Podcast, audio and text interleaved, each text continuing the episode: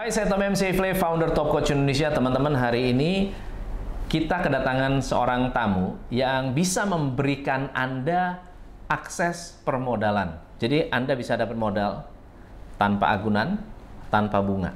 Nah, bagaimana caranya? Anda harus mengakses dan mendownload apps Santara. Sekarang download dulu apps-nya ya buka atau pause video ini Anda download dulu karena sebentar lagi Anda bisa mendapatkan akses permodalan dengan cara yang sangat-sangat cepat, sangat-sangat mudah.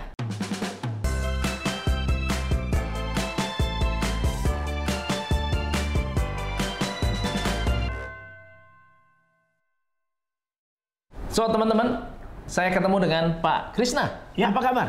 Selamat Beliau siang, adalah. VP dari Santara. Apa itu Santara? Santara adalah sebuah perusahaan yang memberikan equity crowdsourcing untuk UKM. Nah, mungkin Mas Krisna bisa cerita sedikit. Mas Ya. Krisna, boleh cerita backgroundnya dulu nggak? Ya. Backgroundnya apa? Lalu kemudian sekarang Santara itu apa? Oke, terima kasih coach. Siang rekan-rekan semua, perkenalkan saya Krisna Wijaya. Sebelumnya saya 12 tahun berkarir di banking, terakhir di strategic development. Eh, sekarang saya bergabung di Santara. Santara itu apa? Seperti yang coach tadi bilang, Santara itu platform pelayanan urun dana atau kalau sekarang bahasa sekarang dikenal dengan equity crowdfunding. Apa yang kami lakukan adalah kita mengakselerasi bisnis para para UMKM kita dengan cara membantu permodalan mereka melalui uh, crowdfunding. Apakah crowdfunding itu? Crowdfunding itu kita akan lepaskan atau bantu untuk melakukan penjualan beberapa persentase pemilikan saham dari pelaku UMKM yang akan kami lepaskan dan tawarkan kepada publik. Oke. Jadi teman-teman kalau Anda pernah mendengar istilah IPO, Ya, nah IPO itu prosesnya ada syarat-syarat yang sangat-sangat ketat sekali. Kalau Anda ingin IPO, omsetnya minimum harus berapa, asetnya minimum harus berapa dan itu ratusan miliar hitungannya. Iya, betul. Sementara di Santara ini Anda mendaftar, kalau sudah mendownload, Anda harus daftar, lalu kemudian Anda bisa mendapatkan akses pendanaan. ya. Nah, bagaimana cara kerjanya? Seperti Anda eh, nantinya akan go public gitu. Ya. Cara kerjanya sebetulnya sama-sama dengan dengan eh, proses go public.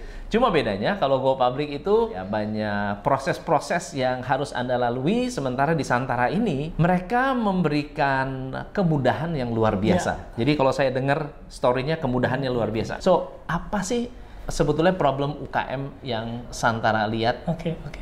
Eh, yang kami lihat nih, buat teman-teman sekalian, jadi memang problem UMKM nih ya, UKM lah ya katakannya, banyak hal yang harus harus di, di apa ya, terus digali, terus diperbaiki ya. Salah satunya adalah sisi eh, pendanaan. Permodalan. Permodalan. Jadi kalau ditanya perkembangan bisnis, kenapa nggak bisa berkembang? Ya sih, Ya. habis kurang modal, Kehabisan bensin. terus kehabisan bensin. Nah, lalu kemudian eh, kalau melihat dari eh, visi dari UK, visi dari Santara sendiri, apa tujuan besarnya membuat eh, program ini? Iya. Kita tujuan besar kita buat program ini, kita pengen scale up Indonesia. Scale up Indonesia seperti apa sih? Tentunya scale up teman-teman UKM. Oke, scale up. Jadi Anda punya punya modal, Iya. modalnya diperbesar, Betul. lalu kemudian modalnya dibuat sedemikian rupa untuk bisa mendatangkan cash flow Betul. untuk menjalankan pengembangan bisnis. Bisa kasih contoh? Betul. Bisa jadi kasih contoh? jadi gini nih, kawan-kawan, kalau Ada cerita ceritanya. Oke, kami ceritakan salah satu penerbit kami yang telah lalu. Ada namanya Sop Ayam Pak Min. Nah, beliau nih Oh, lagi pedagang- berkembang tuh sekarang tuh. Iya tuh. Jadi top top top, lagi berkembang banget. top market untuk sop ayam di Jawa Tengah, Jawa Jogja itu dia ada legendaris gitu jadi bilang. Di suatu periode dia pengen ngembangin bisnis, Ya. tapi si owner merasa bahwa eh, dia nggak punya kolateral yang cukup nih. Nah, Hmm. Ada salah satu alternatif cara pendanaan yang bisa ditempuh oleh beli- beliau, Ya. yaitu dengan melalui platform kami. Apa yang beliau lakukan adalah menjual beberapa persentase pemilikan saham mereka untuk dilepaskan kepada publik. Mm-mm. Berapa persen yang dilepas nanti akan kami analisa itu akan kami hitung di internal kami. Akan kami tawarkan berapa nilai uh, nilai valuasi dari perusahaan tersebut, berapa prosesnya yang dijual, sampai dengan berapa endingnya yang harus diterima atau dibayarkan beliau terhadap kewajiban dividen yang tiap yang harus dibayarkan beliau, Oke. baik dividen final ataupun dividen interim kali ya Iya. dalam perjalanan. Iya. Jadi konsep-konsep kemudahan ini yang kami kira eh, kawan-kawan punya keinginan untuk maju, tapi terbatas masalah ko- kolateral, Kolateral. terbatas masalah financial report yang masih berantakan. Nah, di sini kami akan coba bangun semuanya Iya. Jadi ternyata soto ayam Pak Min itu dapat dana untuk pengembangan dari Santara. Betul. Wah, berapa tuh nilainya? Boleh nggak di-sharing? Ya, dari Sop Ayam Pak Min kemarin, kita berhasil untuk crowdfundingkan sebesar 1 miliar. Untuk apa peruntukannya? Jadi tiga, kalau kami boleh cerita singkatnya, tiga outlet Sop Ayam Pak Min itu butuh kita crowdfundingkan sebesar 1 miliar dan diperuntukkan untuk pembukaan dua outlet baru. Jadi dengan satu miliar, Betul. Pak Min bisa membuka dua outlet baru Betul.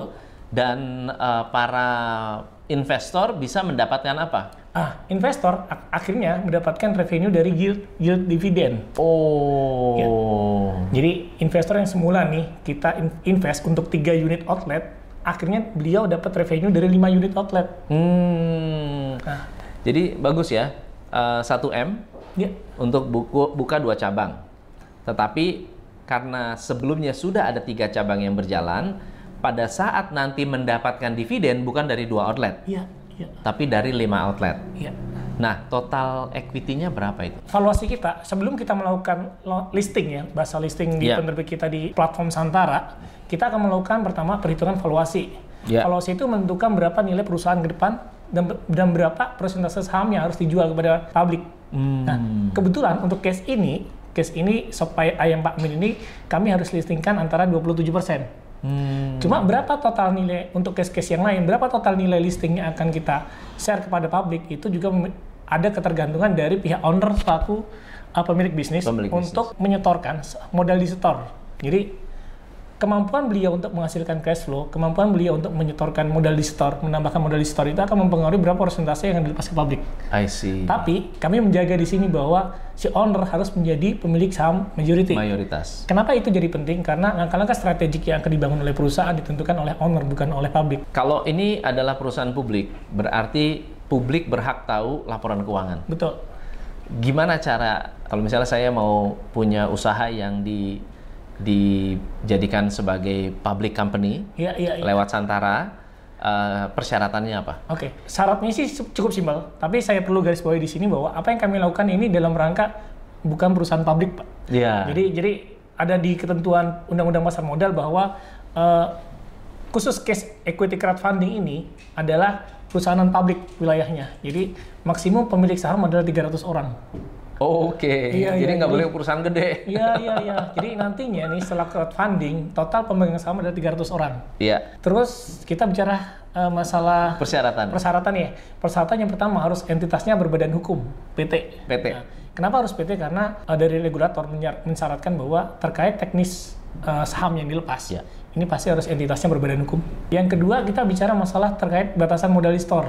Karena kita bicara UMKM ya, kita bicara UMKM berarti modalistornya ada dua hal yang harus kita perhatikan di sini. Regulator menyarankan bahwa maksimum adalah 30 miliar. Maksimum 30 miliar. Terus yang ketiga, kita lihat batasan UKM sendiri. Iya. Kalau pakai, kita pakai ketentuan perundangan yang berlaku nih, berarti maksimal nih menengah kan ya Pak? Iya. Kalau menengah kita pakai dua indikator. Jadi yang pertama total omset Total omsetnya maksimum 50 miliar. ya Yang kedua nilai aktiva bersih aktiva maksimum bersih 10, 10 miliar. Betul.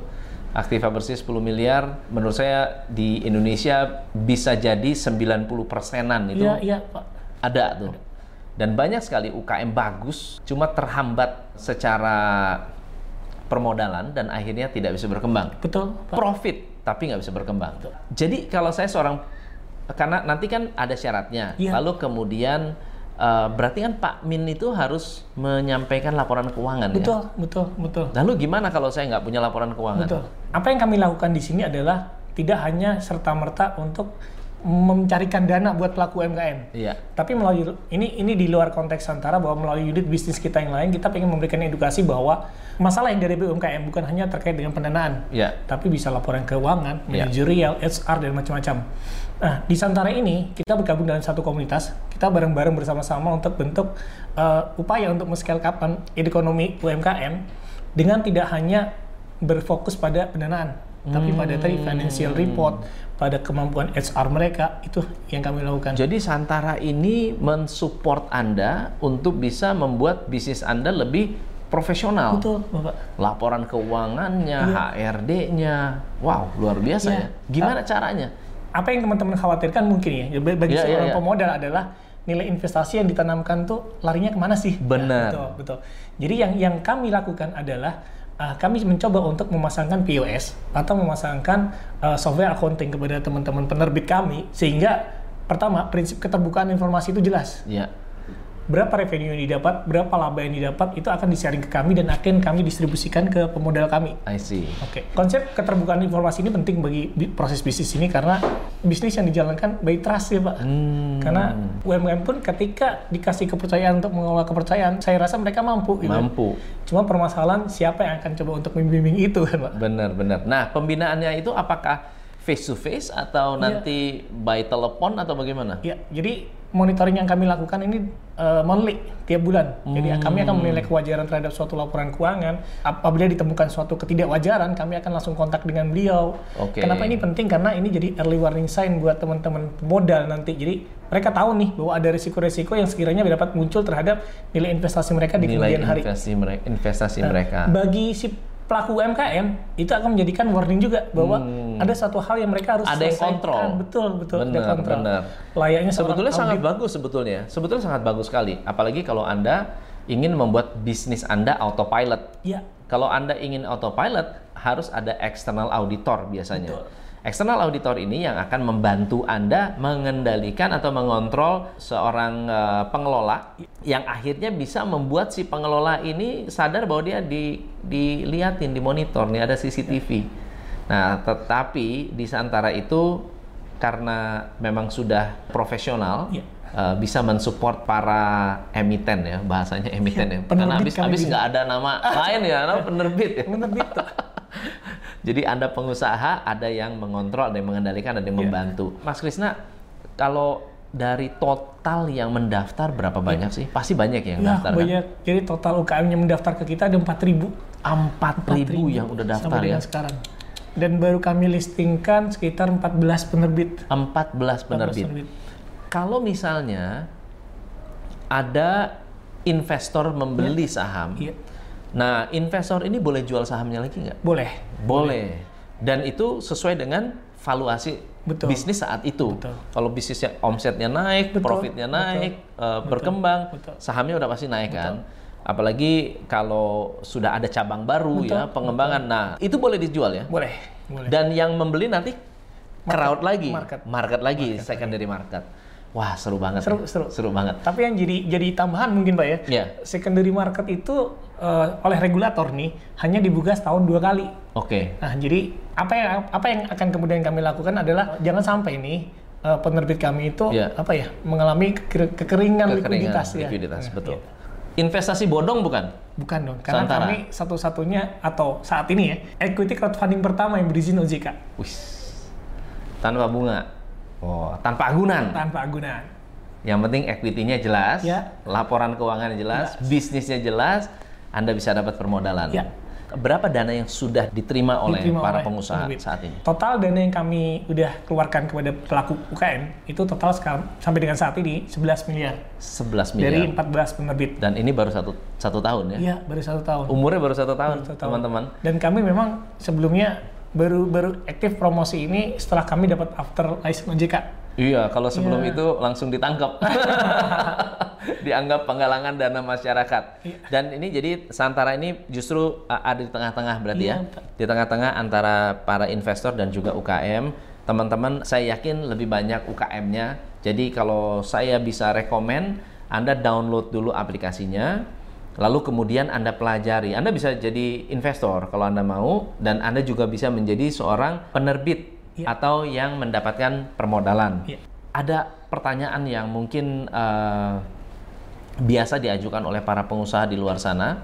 Berapa persen returnnya kalau saya adalah Seorang- investor? Investor, oke. Selayaknya saham ya, Iya. orang-orang selalu cenderung berkata bahwa saham itu punya risk tinggi gitu. Betul. Nah, tapi apa yang kami lakukan di sini adalah menjaga nilai return itu win-win solution Iya. bagi seorang penerbit pelaku UKM itu tidak lebih tinggi dari atau atau setara bunga yang berlaku di bank bagi seorang investor itu adalah mengharapkan return lebih tinggi karena Oke. risiko mereka lebih tinggi. Total sampai dengan saat ini sekarang average yang diterima oleh investor itu ada di kisaran yield 15 sampai 20 persen. Wah, 15 sampai Gede 20%. itu. Gede. Bagi seorang penerbit. suruh bisnis sendiri belum tentu dapat segitu. Iya, iya, iya, iya. Iya. Bagi seorang pelaku UKM, Iya. mungkin akan melihat, wow ini gede, gede sekali. Iya. Tapi ketika kita bicara tanpa agunan, ketika kita bicara bahwa ada potensial loss yang akan Iya terjadi dong. dan itu akan ditanggung renteng oleh bareng-bareng, ini memberikan alternatif yang lebih fair gitu. Sangat-sangat fair. Sangat-sangat fair. Nah, teman-teman sudah download atau belum? Kalau Anda sudah download, Anda coba cross check ya, lihat, pelajari dan sangat simpel sekali prosesnya. Uh, tapi yang pasti adalah kalau Anda mendaftarkan, otomatis Anda akan dapatkan pembimbingan ya Iya, iya, untuk yang mendaftarkan untuk mengetahui sebetulnya layak atau tidak layak. Betul, betul. Itu yang paling penting. Kenapa? Pada saat Anda mendapatkan konfirmasi, oh ternyata saya itu layak untuk Iya. dijual sahamnya, berarti bisnis Anda masuk kategori profesional. ya, Betul ya? betul. Kalau enggak, Anda dianggapnya tidak profesional. Iya, secara tidak langsung ini screening yang gratis kali Ini ya. screening gratis banget. Kalau misalnya melihat dari visi dari uh, Santana sendiri ke depannya punya rencana apa atau planning Iya, iya. apa? Kami sih sejauh ini kami tetap fokus dari dari arahan regulator Pak OJK bahwa kami hanya bergerak di bidang eh, layanan urun dana. Jadi kami sebagai pihak penyelenggara apa yang kami lakukan ke depan terkait dengan visi kita scale up ekonomi Indonesia dan UKM nih bahwa kita memang mau memperbanyak portofolio kita dari berbagai segmen bisnis, dari berbagai tingkatan level UKM, mulai usaha kecil, Iya. menengah, kita akan perbanyak itu diversifikasi portofolio. Mana-mana yang yang sekiranya perlu disupport dan mana-mana yang sekiranya dia mempunyai return yang baik bagi seorang investor. Oke, nggak ada rencana masuk ke menengah ya? Ada, Pak. Nah, Menurut bentar saya, lagi, ini harusnya- akan kami listingkan nih. Ah. Siap-siap nih kawan-kawan. Karena kalau kita berbicara UKM di bawah 50 miliar, banyak sekali yang memang belum matang Iya, secara iya. bisnis. Tapi kalau kita bicara ya 100 miliaran, Iya, iya. mungkin akan lebih matang karena mereka sudah experience dalam bisnisnya. Dan kalau misalnya dibuka ke publik itu akan keren Iya, sekali. iya. Apalagi sekarang uh, banyak perusahaan-perusahaan yang sudah mulai rapih secara perpajakan, Perpajakan. laporan keuangan, Betul, dan mereka sudah lebih profesional. Dan kalau itu masuk Makin jembatan s- berikutnya iya. untuk dapat bisnis yang betul, lebih betul, betul. lebih kuat lagi. Jadi mungkin menyambung dari arahan dia tadi ya Iya. cerita-cerita bahwa eh, apa yang kami lakukan ini mungkin di bawah ada namanya papan akselerasi dari Hmm. IDX gitu. Jadi di di bawah Santara nih di atas kita ada namanya Iya. papan akselerasi dari IDX. Jadi apa yang kami lakukan di sini adalah batasannya itu tadi Iya. batasan UKM. Benar. Jadi ketika naik level mereka harus berlari ke IDX. Ya, dan itu sebetulnya jembatan kan? Jembatan Sebagai betul. satu jembatan, begitu dapat akselerasi omsetnya naik, langsung bisa Iya. dapat dari IDX. IDX berarti Anda udah masuk bursa itu, ya? Keren pasti. Keren banget, keren banget. So jadi thank you so much, Mas Ya. Krisna. Ada pesan nggak buat teman-teman? Jadi kawan-kawan, berkaca dari histori sebelumnya, bagi Anda seorang investor, kami hanya membutuhkan waktu kurang dari 6 jam untuk mengcrowdfundingkan total nilai 1 miliar. Jadi segera download aplikasinya, jangan sampai ketinggalan, jangan sampai ketinggalan menikmati untungnya berbisnis crowdfunding. Dan bagi Anda seorang pelaku UKM, nikmati layanan kami, layanan alternatif pendanaan di luar bank, di luar institusi keuangan yang memiliki konsep timbal hasil yang lebih fair. Keren, Gitu. keren. Ini tanpa riba berarti. Tanpa riba. Thank you so much Mas Ya. Krisna sudah datang ke Ya. Top Coach Indonesia, sudah mau ngobrol-ngobrol juga dan teman-teman manfaatkan ini adalah momen Anda untuk scale up. Saya Tom MC Ifle, salam pencerahan. Hanya di Top Coach Indonesia